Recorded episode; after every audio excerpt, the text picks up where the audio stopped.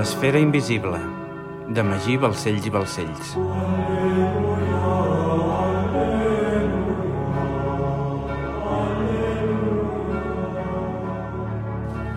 Capítol 30. Pares i fills. Divendres, 13 d'octubre de 1307. Abadia de Notre-Dame-la-Royale, Regne de França. Era un dia gris, plujós i apagat. Dins la gran església de l'abadia cistercenca de Notre-Dame-la-Royale, a uns 27 quilòmetres al nord-oest de París, els homes més rics del regne vestien de dalt davant les despulles de Caterina de Courtenay, emperadriu nominal de l'imperi llatí de Constantinoble i esposa de Carles de Valois, el germà del rei de França. Just sobre el creuer, el cos insepult de Caterina lluïa radiant a la llum de les espelmes. El cadàver havia estat rentat, perfumat i untat amb olis essencials per evitar una ràpida putrefacció. Vestida amb les seves millors gales de seda d'Orient, tenia les mans creuades sobre la panxa tot agafant un rosari i al cap portava una senzilla corona daurada. El fèretre estava completament envoltat de flors i totes les persones allà congregades miraven estupefactes la jove i rígida imatge d'aquella dona noble. Davant el fèretre, Carles de Valois resava de genolls amb el cap cot juntament amb alguns dels seus fills i en les primeres files el rei de França i Nogaret miraven a l'altar somrients. El costum fundat després de la creació de l'imperi llatí de Constantinoble establia que pertocava al gran mestre de l'ordre del temple oficial funeral, ja que l'emperador llatí era el més important pelegrí d'Orient. Malgrat que l'imperi havia caigut feia més de 40 anys, tots els emperadors nominals següents a la caiguda havien estat enterrats pels grans mestres del temple, i així havia de seguir sent. Quan el dia anterior van anunciar a Jacques de Molay que Caterina havia mort i que, per tant, hauria d'oficiar un funeral en presència del rei de França, va entendre que aquell seria el dia de la traïció. Just en aquell mateix instant, va enviar un colom a Eunate, donant instruccions. L'endemà, tot i que sentia cert nerviosisme, creia estar mentalment preparat per jugar el paper que el destí li havia reservat i es va vestir amb totes les seves insignes templeres ple d'orgull i coratge. Jacques de Molay oficiava la Santa Missa des de l'altar acompanyat de Godofreu de Chanay, mestre de Normandia, i de Godofreu de Genoville, mestre d'Aquitània, vestits amb pompa i solemnitat per donar sepultura a tan gran personatge. Tot transcorria amb certa normalitat, fins que, just després de beneir les despulles de Caterina amb aigua beneïda, Felip IV va somriure mirant el gran mestre, i aquest, davant de tots els presents, va dir «I ara, germans, arribat el moment en què el rei de França cometrà el pecat que comportarà la fi de la seva dinastia. Felip IV s'atrevirà a arrestar-me davant de tots vosaltres per acabar amb l'ordre del temple, sense ser conscient que per aquest fet hi haurà un dia que els francesos tallaran el cap dels capets. De sobte, es va sentir un murmuri entre la gent i, instantàniament, es va escoltar un pas metòdic de desenes d'homes i el soroll típic d'armadures de ferro. Quan la gent atapeïda a la porta va obrir un passadís, el gran mestre va veure el que ja havia somiat. L'exèrcit reial francès entrava a l'església en direcció a l'altar. Desenes d'homes amb radiants armadures i escuts blaus sembrats de flors de lis daurades caminaven per la nau central vers l'altar. Carles de Valois, molt enfadat per tal sacrilegi, es va girar cap al seu germà i li va dir «Què és això? On queda el vostre respecte per l'emperadriu de Constantinoble?» El rei francès, sense immutar-se, va mirar un dels seus oficials i aquest va avançar cap a Carles totalment decidit. Quan va ser-hi davant, el va colpejar la cara amb la seva armadura de ferro i Carles va caure estabornit a terra. Els oficials de l'exèrcit van seguir endavant, esquivant a Carles, els seus fills i el fèretre, fins a ser enfront l'altar. Llavors, un home es va quedar parat amb un paper a les mans i va dir per ordre de sa cristianíssima majestat en Felip IV de França i Guillem de París, inquisidor general, l'ordre del temple queda arrestat a tot el regne per posar fi a la seva heretgia. Haureu de respondre pels vostres pecats davant de Déu. L'exèrcit va rodejar els tres templers de l'altar i els van cadenar. Jacques de Molay no va oposar resistència, ja que de res hauria servit. Tot seguit, els van fer desfilar davant de tots els homes presents a l'església, qui davant d'aquells fets van començar a cridar i a escopir els tres templers. Felip IV se sentia content i eufòric. L'inici de la fi de l'ordre del temple havia començat. El més gran i prestigiós ordre de cavalleria d'aquells temps tenia els dies comptats. Des de que el gran mestre es va riure d'ell a la torre del temple, va abandonar la idea d'esdevenir Rex Bellator i va posar tots els seus consellers a treballar per destruir el temple. Els resultats dels treballs dels consellers reials francesos van ser encoratjadors pel monarca, ja que l'inquisidor general de França havia acceptat una denúncia de Nogaret i estava disposat a jutjar tots els templers francesos. Va ser a partir d'aquí que Nogaret i els seus llepaculs servidors van començar a fer proclames públiques en contra dels templers – valent-se de l'ajuda del clergat francès, qui els acusava d'heretgia en les seves homilies en totes les esglésies del regne. Es deia que els templers negaven a Crist en les seves cerimònies secretes, escopien sobre la creu, negaven l'Eucaristia, adoraven ídols pagans, practicaven l'homosexualitat i cometien simonia, blasfèmia i avarícia. Després de setmanes repetint el mateix discurs, quan ja havien aconseguit minar la reputació dels templers davant del poble i quan tothom rumorejava ja sobre la seva inqüestionable culpabilitat, el rei va redistribuir hàbilment tots els seus exèrcits pel regne i el 14 de setembre, el dia de l'exaltació de la creu, va enviar una missiva a tots i cadascun dels contingents amb l'ordre expressa que no l'obrissin fins al dijous 12 d'octubre de 1307 a les 5 de la tarda. Arribat el dia, es van obrir de forma secreta i simultània a tot el regne. Per ordre reial, es decretava la detenció de tots els templers de França l'endemà a les 10 del matí i el comís de tots els seus béns, que passarien a la corona de forma provisional fins que la Inquisició resolgués. Ho tenien tot preparat.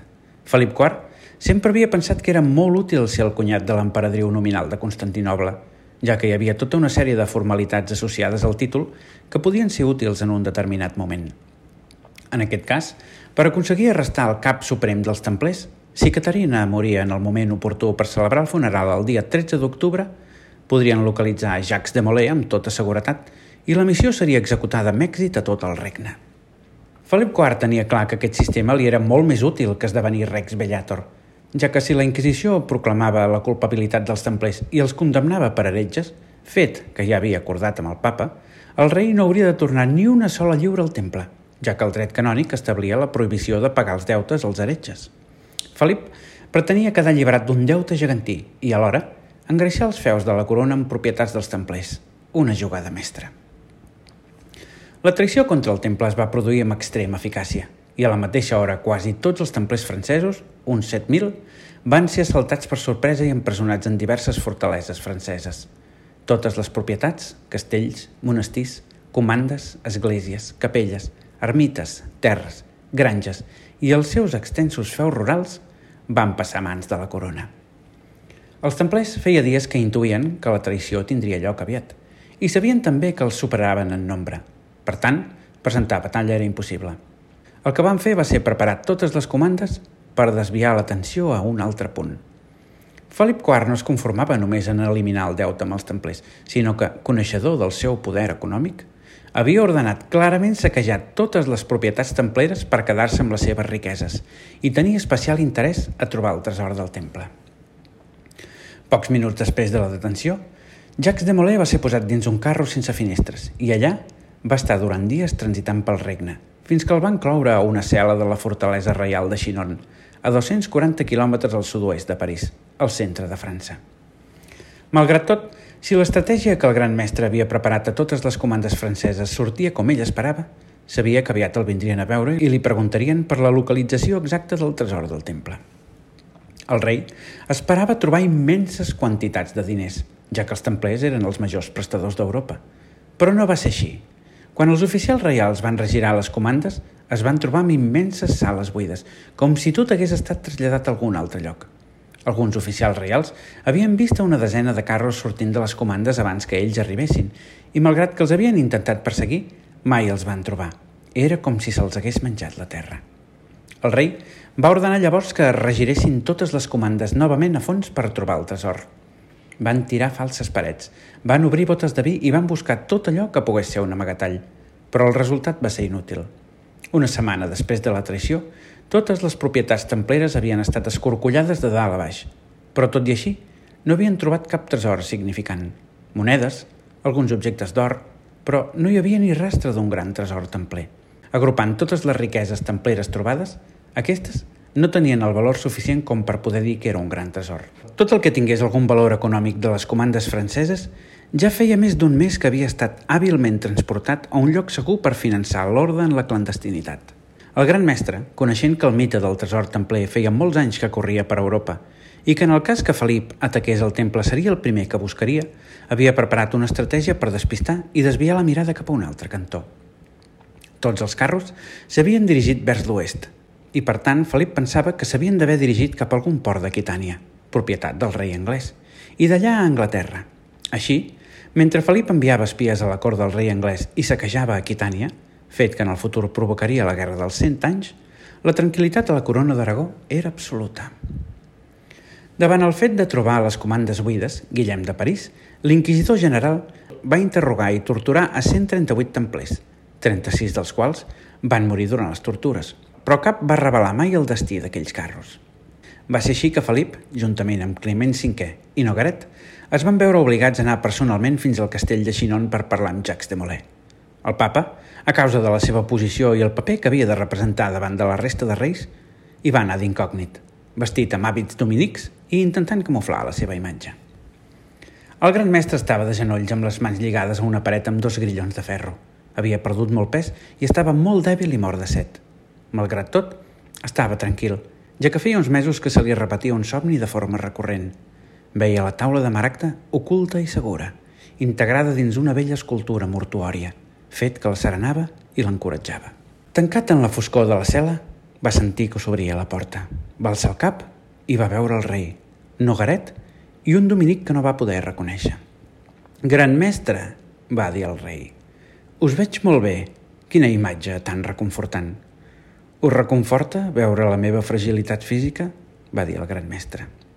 Més em reconforta a mi saber que quan abandoneu aquesta cel·la ho fareu convençut de la meva fortalesa mental. Nogaret es va avançar i li va clavar una bufetada tot dient «Calla, desgraciat! On tens el tresor? Va! Canta, vell amargat, no el tenim tot el dia». «No hi ha cap tresor», va dir Jacques de Molay. «Tot el que teníem ho vam prestar al vostre rei i el vostre rei s'ho ha gastat tot en guerres i en putes. Jo no pago per follar, va dir el rei. Les dones més velles del regne fan cua per mamar-me-la. Se'n moren de ganes. Fins que us la veuen i els entra el riure. O, oi que és així? Va dir el gran mestre, fent befa. El rei va avançar enfollit i li va clavar un cop de puny a la boca. Jacques de Molay es va incorporar. Va escopir una dent plena de sang i va deixar anar una rialla. Us creieu que som imbècils? va dir Nogaret, el gran mestre. On guardeu les vostres riqueses? Al meu cap. Les meves majors riqueses són els somnis d'infantesa, va dir Jacques de Molay, esbossant un somriure. Veig que teniu ganes de jugar, va dir el papa, desbatllant la seva identitat al gran mestre. Climent, sou vos. Us havia pres per un mediocre frare dominic, va dir Jacques de Molay, somrient. Ja deia jo que aquesta mediocritat m'era familiar. Feu entrar el butxí, va dir el rei. A veure quan li dura aquest somriure. Al moment va entrar un home molt corpulent, amb un gran martell i una enclusa de ferro. Van deslligar a Jacques de Molay i li van lligar la mà dreta sobre l'enclusa. El rei, el papa i Nogaret el miraven somrient mentre el gran mestre es preparava mentalment per aguantar el torment. Va començar a respirar de forma profunda i pausada i va tancar els ulls. El rei va donar l'ordre i el butxí va fer un gran cop amb el martell sobre el polze de Jacques de Molay, trencant-li una ungla i tacant l'enclusa de sang. Recordeu millor ara? va dir Nogaret. On és el tresor? Jacques de Molay va obrir els ulls i va mirar Nogaret, somrient, sense desprendre cap expressió de dolor. Nogaret va mirar el butxí i aquest va colpejar sobre l'anular amb més força. Jacques de Molay va sentir com se li trencava l'os, però apartant la seva ment d'aquell fet, tan sols es concentrava en respirar profundament i en escoltar la música de la taula de maragda en el seu cap. El rei va fer un gest al butxí i aquest va tornar a colpejar, però Jacques de Molay seguia somrient. Seguiu colpejant fins que cridi, va dir el rei. El butxí va començar a colpejar una vegada rere l'altra, sense parar. Jacques de Molay seguia somrient.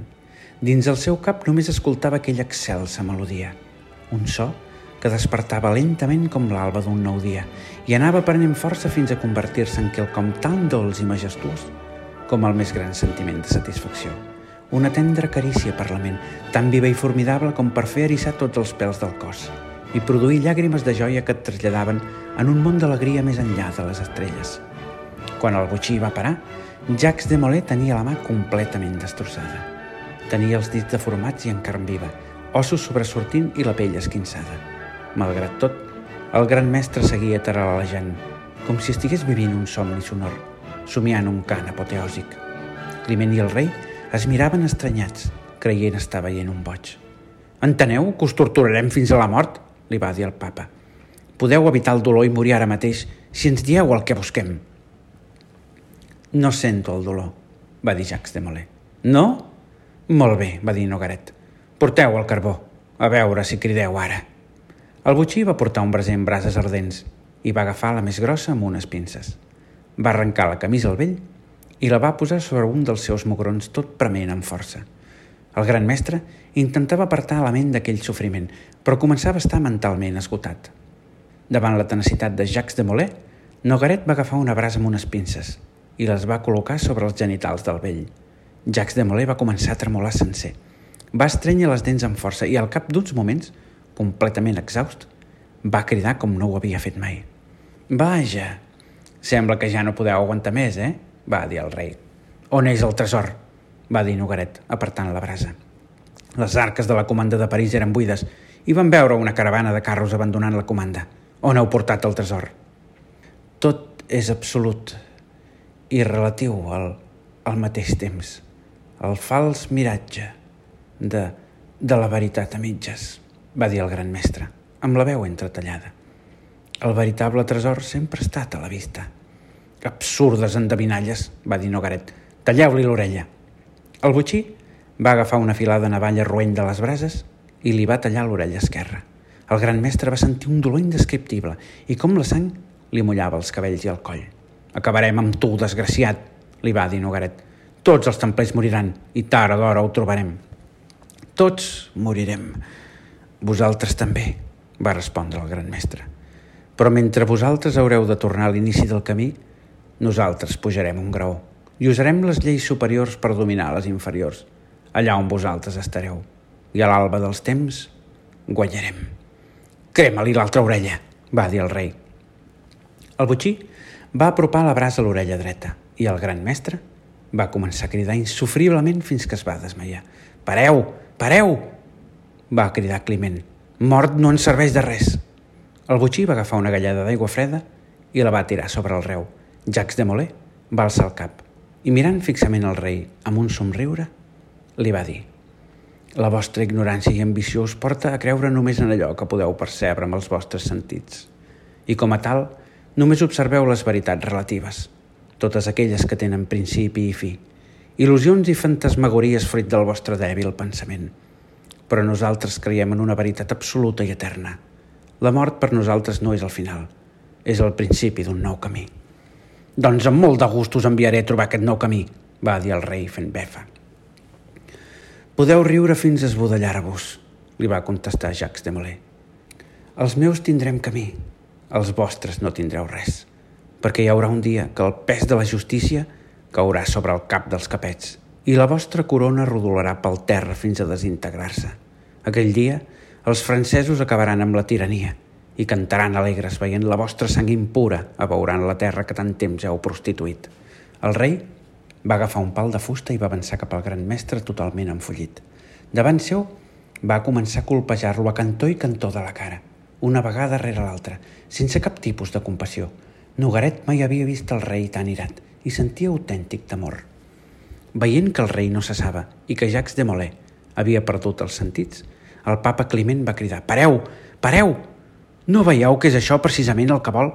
Ens està intentant enfurismar tota l'estona perquè el matem i els morts no parlen. Aquest home té una poderosa informació i l'hem de treure sigui com sigui. Aneu a fer un mos, assereneu-vos, jo em quedaré amb ell. El rei va llançar el pal, va escopir a la cara del gran mestre i va marxar juntament amb Nogaret. El papa va ordenar que fessin venir els metges per curar les ferides al gran mestre i garantir que pogués seguir en vida. Passada una hora i quart, Jacques de Molay va despertar i el papa li va donar menjar i li va fer portar el millor vi de la xampanya. Al cap d'una estona, amb la panxa plena, i quan el vi havia fet el seu efecte, Climent li va dir «Ara que estem sols, parlem amb franquesa, de tu a tu. Nosaltres tenim l'aixuvar d'oros, però vosaltres la taula de maragda. i aquesta és infinitament més valuosa. No sé si és més valuosa. No sé què diu la d'Oros, va respondre el gran mestre, fingint que no coneixia el contingut. Juli César va trobar la d'Oros als peus de la mòmia d'Alexandre el Gran, explicava Climent. Són una sèrie de textos i mapes que parlen dels orígens de la humanitat i la naturalesa de les forces existents a la Terra i la seva relació amb els animals, els vegetals, els minerals i l'home. Juli César va estudiar detingudament els documents, els va traduir i ho va agrupar tot juntament amb les seves reflexions i experiències de govern en un llibre secret, el llibre dels Cèsars. De tota la informació, la més rellevant són els mapes de les fonts de poder, els llocs per on flueix l'energia de la Terra. La Xubà d'Oros conté la localització exacta de les fonts de poder? Va preguntar Jacques de Molay. Exactament, va dir el papa. Eh, com jo, vos sabeu de l'existència d'una ment universal, pura i eterna, que obre mitjançant el seu verb geomètric per conferir vida a tots els éssers pensants que el conformen. Una intel·ligència universal que és la suma indivisible de totes les ments vivents. L'univers és una xarxa de cossos geomètrics connectats, per on circula l'energia de la llum, l'energia que dona vida i anima la matèria, va dir Jacques de Molay. Vos, jo i tots els éssers vius del planeta estem connectats a través d'aquesta xarxa geomètrica, deia Climent, que al seu torn recobreix la Terra sencera i la connecta amb l'univers. La xarxa fa que les sensacions i idees que experimenti un individu arribin a cadascun dels éssers vius del planeta mentre dormen a través del somni. El son modula els pensaments i els dirigeix cap al seu destí, però hi ha una manera de contrabalançar aquest destí, d'anul·lar l'efecte dels somnis, les 142 catedrals que ens heu construït. Obres mestres de l'arquitectura, alçades sobre els punts exactes per on flueix l'energia de la Terra i on per la combinació d'imatges, música i paraules es pot modular les emocions de tots els que hi són a dins i si els que hi són a dins representen una majoria suficient, també sobretot a la humanitat. Si reproduïm els patrons geomètrics universals en una magna construcció àurea i col·loquem plata en el lloc indicat, obtindrem un perfecte control sobre el flux energètic, aclaria Jacques de Molay. Si això és així, els autèntics temples seran colossals caixes de ressonància, amplificant la vibració de la veu i la música i sanant a tot aquell que es trobi en el seu radi d'acció. Això és el que ens deia la taula de Maragda. Suposo que sí, però de la mateixa manera que es poden usar per sanar, també les podem usar justament pel contrari. Els semblants i els antagònics són el mateix, recordeu? va dir Climent. I no només això. Els discursos pronunciats dins una església que sigui un autèntic temple ressonen sobre totes les ments vives del planeta, influint sobre els homes per governar sobre l'espai-temps de l'univers. Els temples, les esglésies, les catedrals, serveixen per accelerar o alentir la roda del temps segons les nostres conveniències. Són el pèndol universal que determina el ritme del temps. Va ser precisament això el que va portar la civilització atlant la seva extinció, va dir el gran mestre. Esteu jugant amb unes forces que no controleu. No les controlem? va dir Climent fent befa. Durant els últims segles ho hem fet extraordinàriament bé. Fa més de mil anys que Roma anuncia l'hora exacta a tot Occident. I què és això, sinó un gran rellotge universal? Qui creieu que és el responsable de l'òptim climàtic d'Europa? I si amb les catedrals romàniques funcionava, us imagineu què serem capaços de fer amb les noves? La por redueix el flux energètic que circula per qualsevol ésser viu i això, fet en massa sobre molts éssers vius, fa que la Terra es reguli i desprengui menys energia. Com a conseqüència, gira més lentament i augmenten les hores de sol, va dir el gran mestre. Això explica el vostre canvi climàtic a Europa i el seu desenvolupament demogràfic i econòmic, però és un període massa curt comparat amb el cicle etern. No es poden treure conclusions tenint en compte un període tan curt. Al final tot torna al seu lloc. Els esdeveniments responen a normes de causalitat que es repeteixen una vegada i una altra en el mateix ordre. I si algú intenta alterar-les, la ment universal els conjurarà per modificar-les. I aquells qui s'hagin cregut prou savis per interferir en els designis divins seran esclafats contra les roques i els elements. El mateix els va passar als atlants. Tindrem ocasió de comprovar-ho, va sentenciar Climent amb fatxenderia, perquè seguirem governant sobre el temps. Seguirem usant les catedrals. Primer, per reduir la població d'Europa mentre les proves de l'existència de l'Atlàntida no hagin estat destruïdes per complet, i després per colonitzar-la. La veritat sortirà a la llum, va dir Jacques de Molay. Això ja ho veurem, va dir Climent. Ara us toca a vos. Jo us he dit que conté la xuva d'oros. Expliqueu-me tot el que sapigueu de la taula de Maragda i dels atlants. L'Atlàntida era una civilització antiga, molt antiga i molt superior a la nostra, que gaudia d'un alt coneixement, explicava el gran mestre. Tenien ciutats esteses per tot el planeta, grans urbs de vidre construïdes al voltant de grans temples proveïdors de salut que prolongaven la vida de tots els éssers vius. Tenien artefactes mòbils que aprofitaven la força del sol i ocells de metall que viatjaven a velocitats altíssimes pel cel. Podien viatjar fins i tot per l'espai. Van trepitjar la Lluna, Mart, Venus i Saturn. Podien comunicar-se els uns amb els altres de forma immediata, sense importar la distància, senzillament posant-se la mà a l'orella.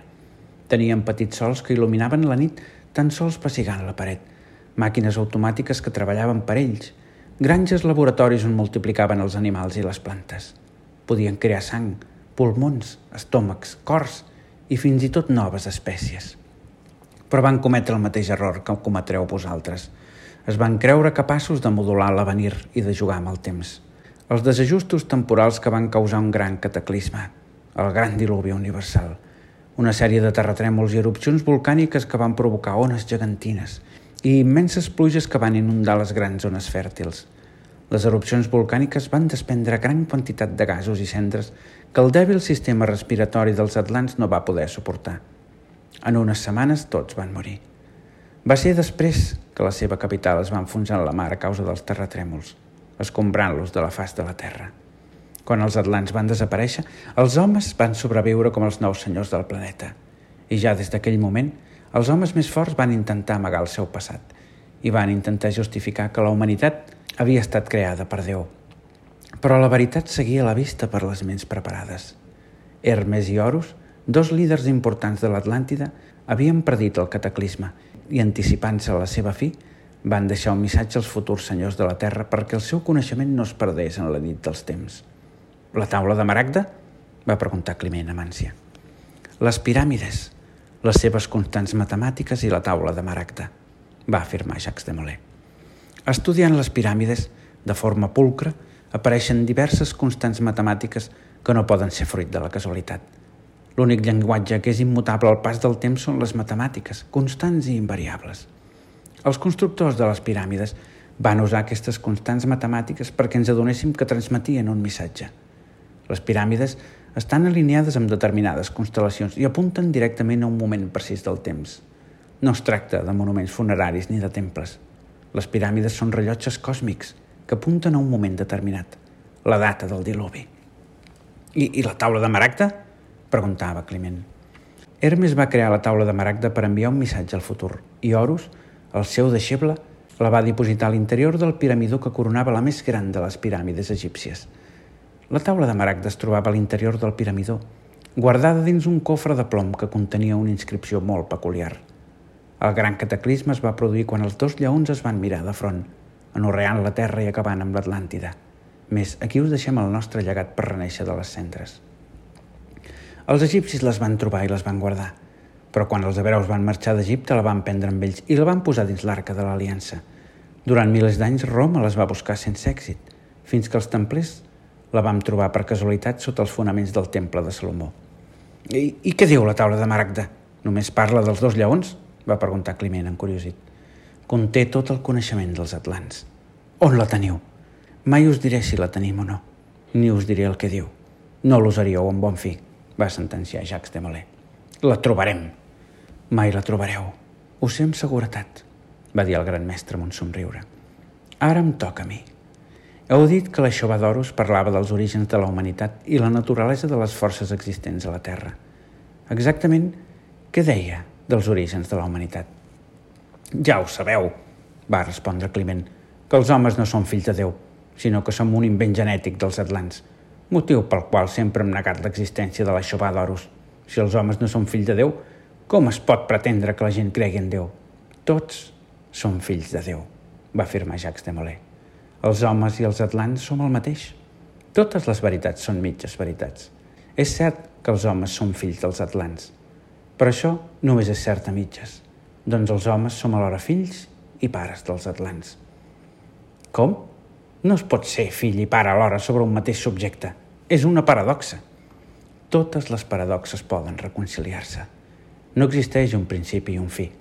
De la mateixa manera que si et mous cap a l'oest arribaràs a l'est, si avances cap al futur arribaràs al passat. Nosaltres som els atlants. Ho serem d'aquí a molts, molts anys. Allà on el futur s'abraça amb el passat. Els humans ens desenvoluparem molt i crearem la millor civilització de tots els temps, l'Atlàntida. I quan la civilització atlant estigui tan entusiasmada amb el potencial del seu futur que despreciï i oblidi el seu passat, crearà una nova espècie.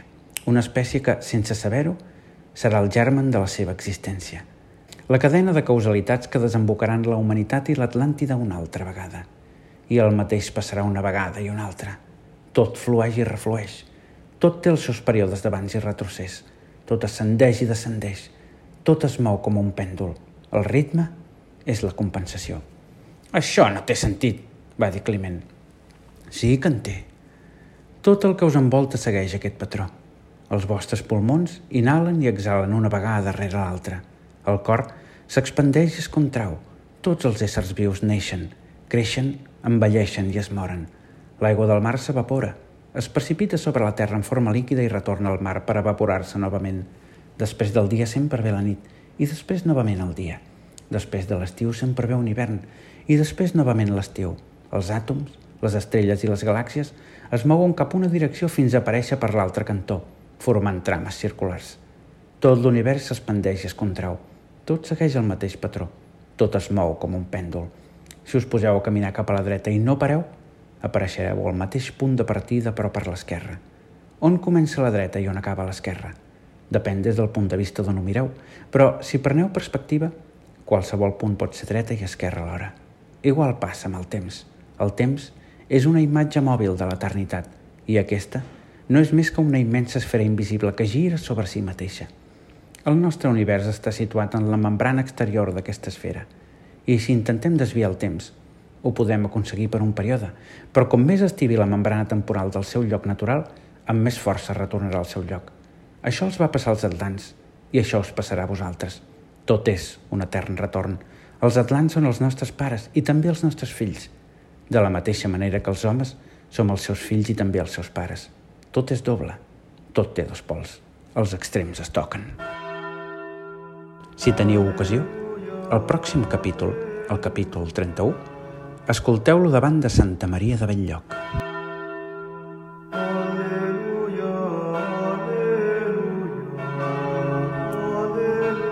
L'esfera invisible, de Magí Balcells i Balcells.